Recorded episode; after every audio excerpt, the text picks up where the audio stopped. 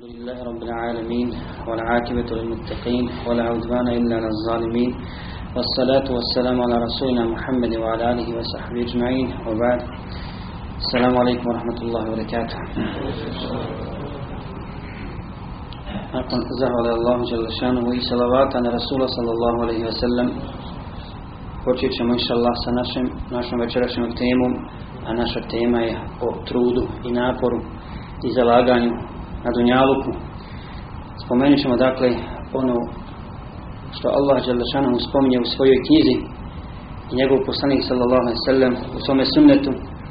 Dakle, braćo i sestre, Allah Đalešanom je stvorio čovjeka i odredio da njegov život na Dunjaluku bude u znaku umora, u znaku truda, zalaganja, napora i tako dalje pa kaže Allah Želešanuhu, euzu billahi halaknal insane fi Mi smo stvorili čovjeka da se trudi. Dakle, kažemo fesiri za ovaj ajet, to jest, stvorili smo čovjeka takvog i na, na, na takvom mjestu da mora da se suoči s problemima, da mora da se suoči sa iskušenjima koja ga čekaju na ovom životnom putu na dunjavu. Dalje kaže uzvišeni Ja ijuhal insanu inneke kadihun ila rabbike kadhan famulaki O čovječe koji se mnogo trudiš na dunjavku ti ćeš svoj trud vidjeti i sresti Kaže mi kefir za ovaj ajet Dakle, o čovječe ti neminovno ideš ka svome gospodaru i radiš djela koja ćeš sigurno vidjeti i naći ćeš i pa bila dobra bila loša sigurno ćeš i naći na sudnjem danu.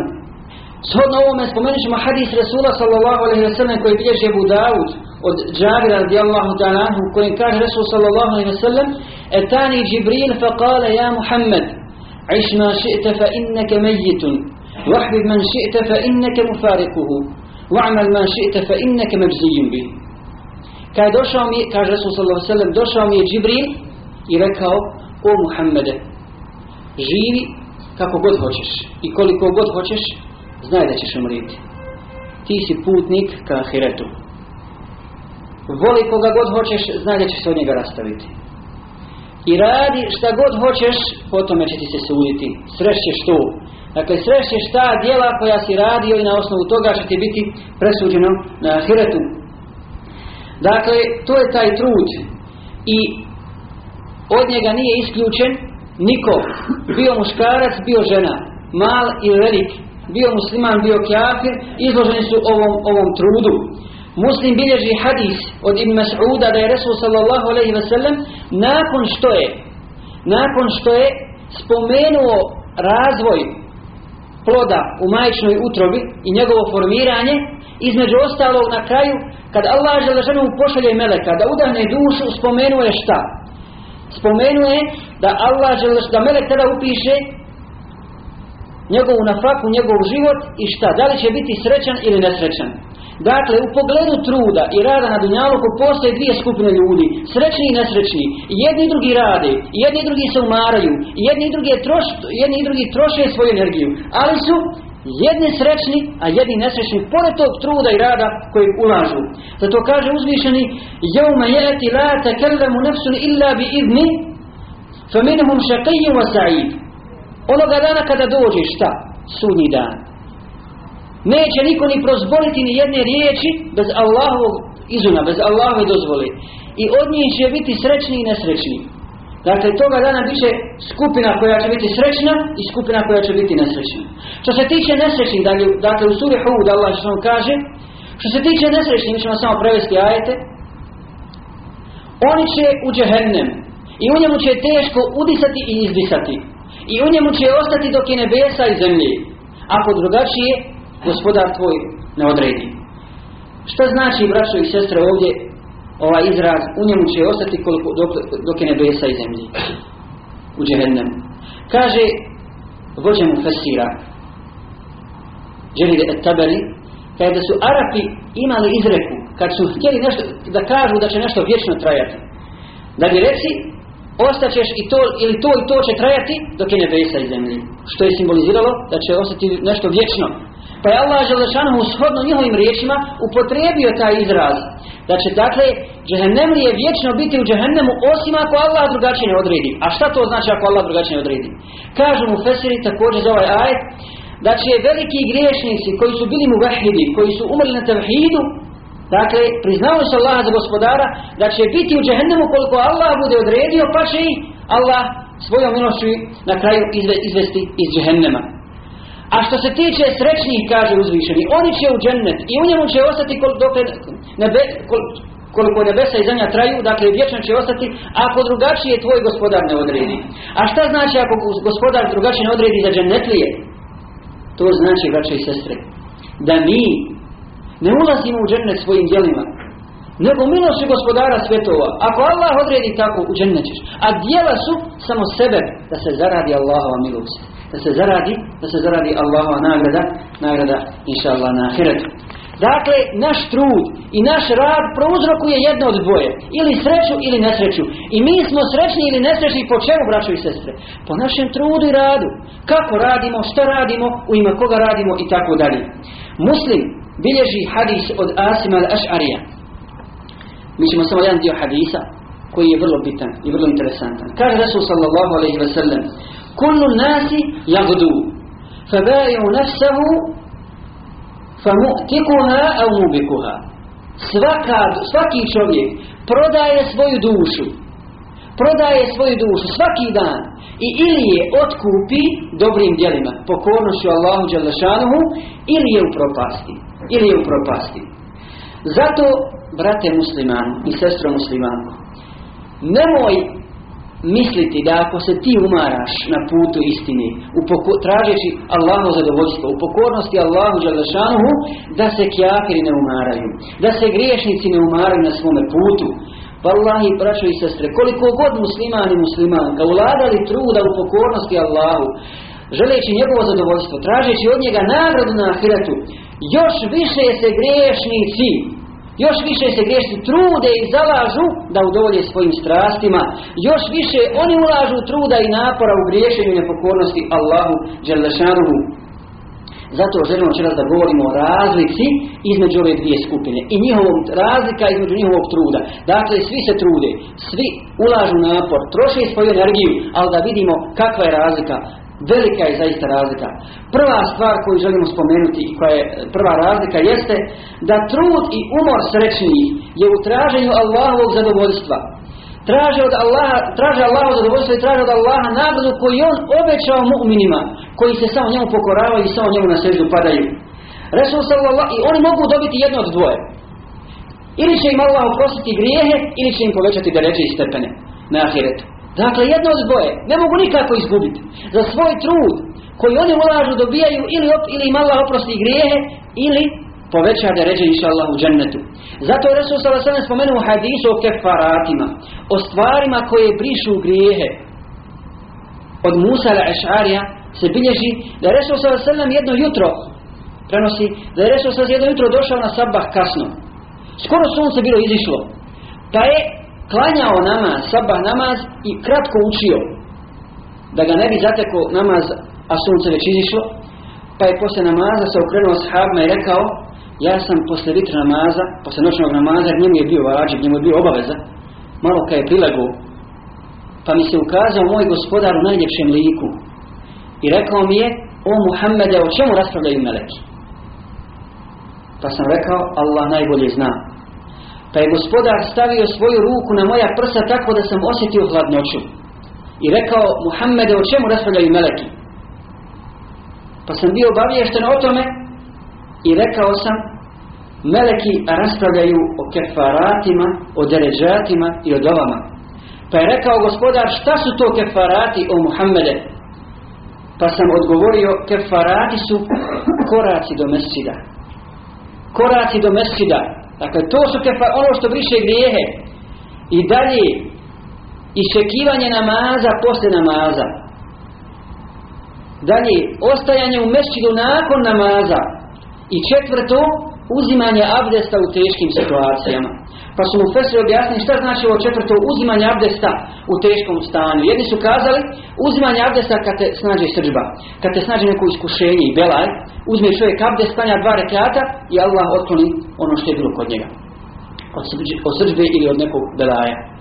A drugi kažu da je to uzimanje abdesta u hladnim danima ili noćima i poslije toga planjanje na file dva ili više rekata.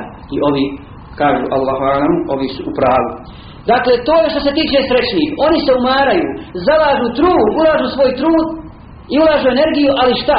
Allah im zato oprašta grijehe za svaki njihov korak, kaže Resul prvi korak do da briše grijehe, a drugi korak ste. Prvi korak do da briše grijehe, a drugi korak podiže stepen u džennetu. A što se tiče nevjernika, svaki njih obrnuto, svaki njihov trud, svaka stopa, svaki korak na zemlji Svaka kap znoja povećava grijehe i stepene i deređe u džehennemu. Ili dubine, dubine u džehennemu. Dakle, to i se povećava sa njihovom nepokornošću i sa njihovim trudom, a ulažu trud i puno se trude i puno znoji na tom putu. Zato kaže uzvišeni sa onim što daje nevjernicima, a zaista i mi se nekad čudimo, otkud toliko nevjernicima, svega od dunjaluka. Kada je Omer radi ta'ala ušao kod Rasula sallallahu alaihi ve sallam i vidio ga da spava na, na, na, na palminim granama, i kad se podigao Rasul sa ali ono se zadigla košulja, pa se uslikale grane i zaplakao je Omer i kaže subhanallah, Kisra i Kajsar, nevjernici, mušnici, a uživaju u svojim dvorcima, a ti, Allahov poslanik i tako, u takvom stanju. Kaže Rasul sa Salim, zar nisi zadovoljan da oni imaju dunjalu kam je ahiret? Allah lešanom za svim njihovim bogatstvom samo im ubrzava kaznu. Ubrzava im kaznu i propasti, i povećava im povećava im kaznu s time na, na ahiretu, a i na dunjaluku. Zato kaže uzvišenje u suri Tauba Innama yuridu Allahu an yu'adhibahum biha fil hayati dunya wa tazhaka anfusuhum wa hum kafirun. Allah dželle šanu s što im daje na dunjaluku ne želi ništa drugo nego im kaznu povećati i želi da okončaju kao nevjernici a Allah zna šta je učin Dakle, to je prva razlika. Ovi zarađuju oprost grijeha, a ovima se samo povećava kazna. Druga vaša razlika u trudu i naporu kod vjernika i kod griješnika i nevjernika jeste da oni koji se umaraju na putu Allaha Đalešanuhu, koji troše svoju energiju u pokornosti gospodaru svjetova, da oni osjećaju radost u svojim prsima zbog toga. Jer onaj koji je spoznao gospodara svjetova i samo njemu na seždu pada, on je zadovoljan jer zna svoj cilj. On ima svjetlo s kojim kroči kroz dunjalu i zadovoljan je i koliko god da se umaro u ibaretu, vallahi, poslije toga osjeća slast. Poslije toga osjeća slast Navešimo samo primjer noćnog namaza upravo, koji nije važiv, nije obaveza za umet. Poslije farzova, kad čovjek, vjernik ili vjernica, hoće da pojačaju na filama, da se približi Allahu Đelešanohu, teško na početku ide. Kako ustat u ta doba kad ljudi najviše vole da spavaju? Ti ustaješ, lišavaš se postelje i padaš Allahu na seždu. Kasnije kad to navikneš, slatko postaje. I ako ne ustaneš jednu noć, možda ti je obaveza, ako ne ustaneš, teško ti. Teško ti zbog toga i nešto ti fali. Fali, klanjao si farz, ali zbog noćnog namaza te gova, jer Allah daje tada bereket, ispušta smirenost. Dakle, to je ono što pojačava tvoju snagu i tjelesnu i duhovnu.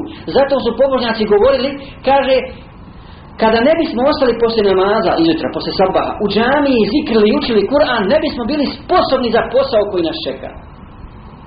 Klanjali su namaz. Ali ako ne bi ostali radi bereketa, da se napoje još više, ako ne bi ostali, u mešćidu, ne bi bili spremni za posao koji čeka. Ili zato su drugi govorili da znaju vladari šta je u našim prsima, borili bi se sabljama protiv toga da nam to preuzmu Da znaju kakva to smirenost i kakvo zadovoljstvo kod nas postoji, to borili bi se. Jer oni to ne osjećaju ako nisu mukmini.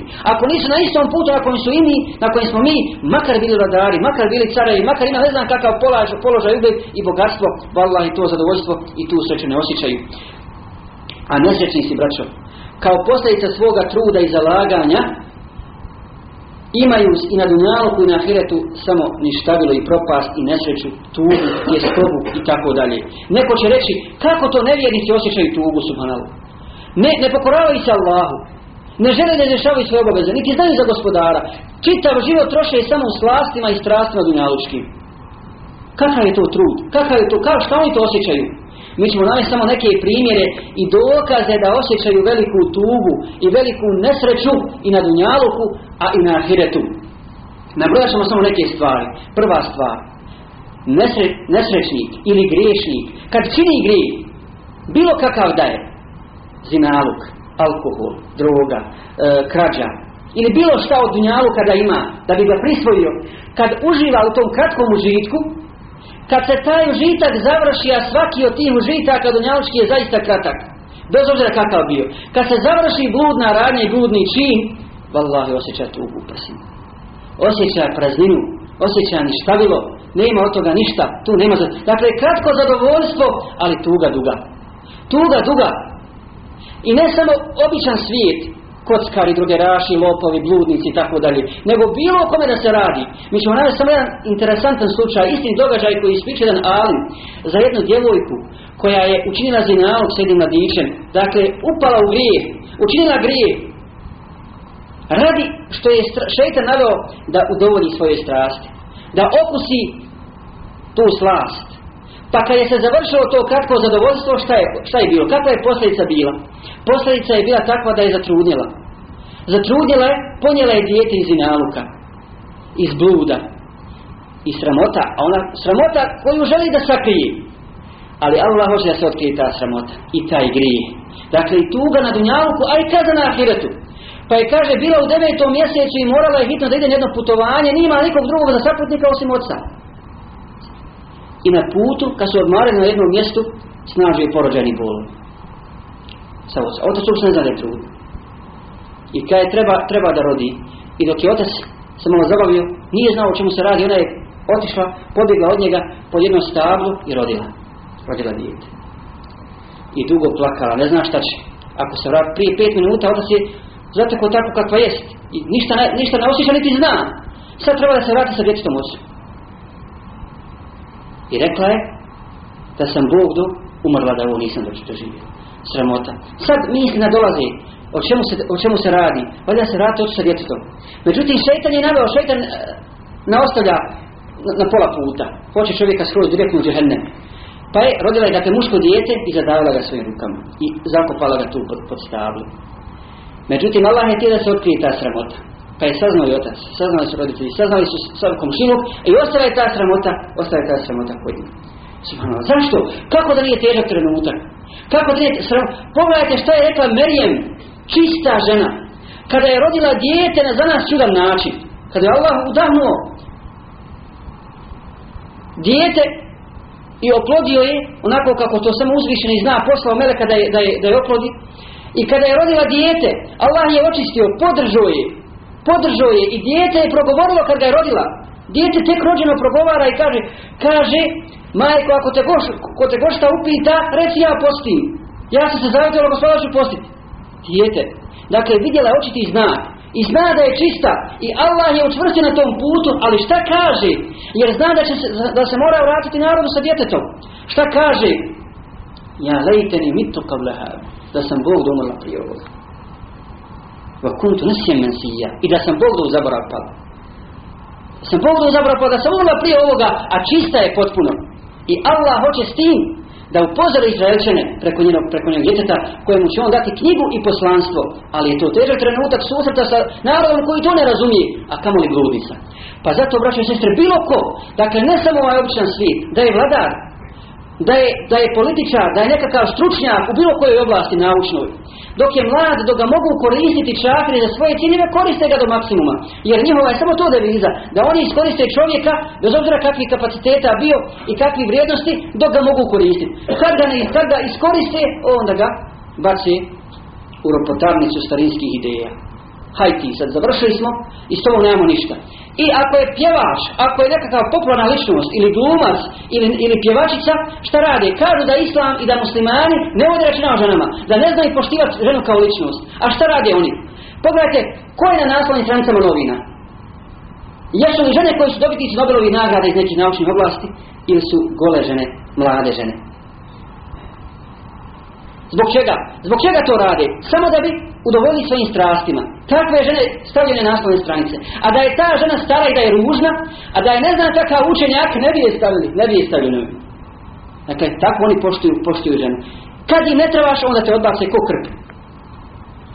Dok im treba. I kako završavaju njihovi ljudi, koji su nevjernici, koji ne podaju Allahom, znači, akademski građani akademski znači građan na kraju završava, ako, ako nije vjernik, ili u bolnici, ili u ludnici, ili voda suku oko zgrade. Ne ima ništa drugo, valla Bez, bez svrhe, bez cilja život. Nije upoznao pravi cilj i moramo se tako na kraju desiti. A šetan to i hoće, da te, strogo, da te ponizi na to, Allah, Allah tako odredi, da se poniziš na dunjaluku, ja e, na hiretu te čeka, čeka strašna kazna. Zato, brate i sestro, nemoj da žali zbog toga što ulažeš u pokornosti Allah.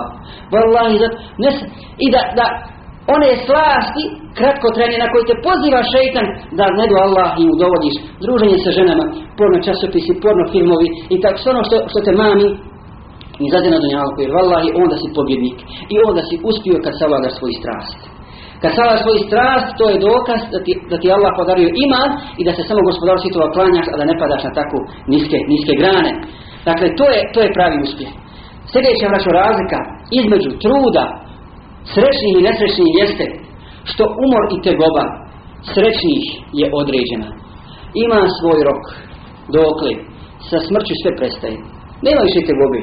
Svaka tegoba da je ne znam kada da si čitav život bolovu, a bio mu'min, strpljiv bio. Da si čitao život bio najveća pokora, najveći siroma, sa smrću sve završava.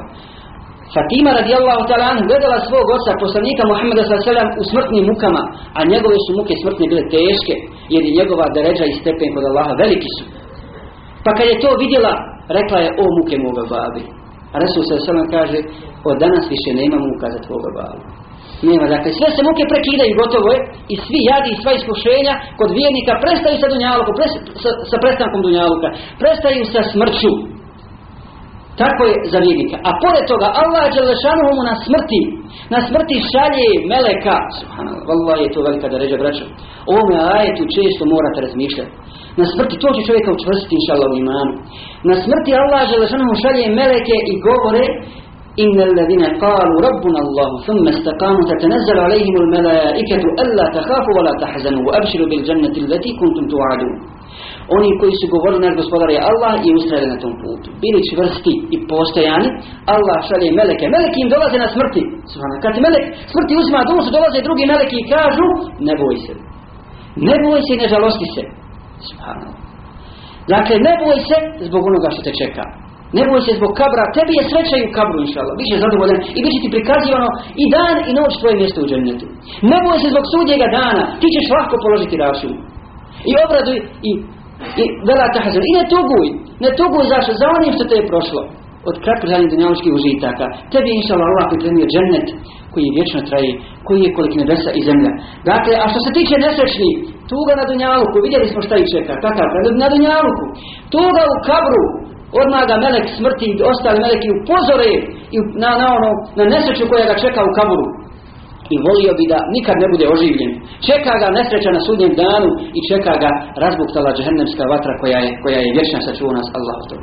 Zato kaže su sa selem kad se džehennemlija stavi onaj koji je služio džehennem, kjaš ili mušik, koji je imao najviše bogatstva na dunjavu koji, koji je živio najraskošnijim životom, samo sekund ili pola sekunde je stavio u džehennem, pa ga, pitali, pa ga budu pitali jesi li doživio ikad sreću, reče nisam vallahi nikad doživio srećan trenutak u životu. Nikad. Dakle, a dženetlija suprotno toga dženetlija kad, se, kad bude stavljen u džennet i kad bude okusio dženetski, dženetski užitke samo jedan moment će nisam nikad nikakvu tugu vidio.